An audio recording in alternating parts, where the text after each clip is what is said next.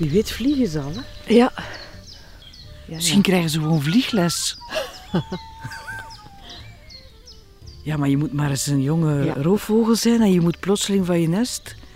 En je moet die eerste vlucht maken. Je moet Dat moet heel spannend zijn. dat moet spannend zijn, zelfs voor een vogel. Dit is Barbara de Koning, een echte vogelaar. Ik ben Sarah de Broei, haar leerling vogelaar. Samen met Barbara maakte ik de podcast De Vogelaars. Van 's morgens vroeg tot 's avonds laat, van in het bos tot op het duintje in het Zwin, zaten wij een hele dag tussen de vogels.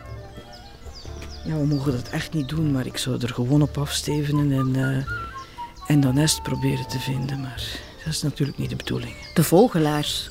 Een dag vol verrassingen uit een vogelaarsleven. Op de duur is het wel een marteling om ze niet te zien natuurlijk.